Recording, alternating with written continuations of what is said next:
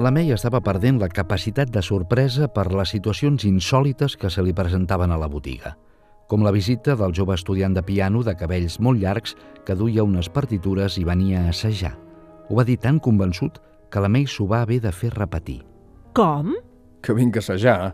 Un moment, un moment. Aquests pianos són per vendre. Sí, ja ho sé, però en Peta em deixava tocar quan preparava un examen o un concert. El coneixies, en Peta? Sí, és clar. Era molt simpàtic. Les primeres vegades que vaig venir va ser per preparar una peça de Rachmaninoff i des de llavors em deia Rachmaninoff. La May va recordar que, efectivament, en Peta li havia parlat d'un noi de cabells llargs que anava a assajar a la botiga i que ell anomenava el jove Rachmaninoff. Recordava els comentaris càustics perquè l'estudiant adoptava un aspecte de geni, com si els cabells llargs i un aire estudiadament lànguid fossin propis d'una gran figura.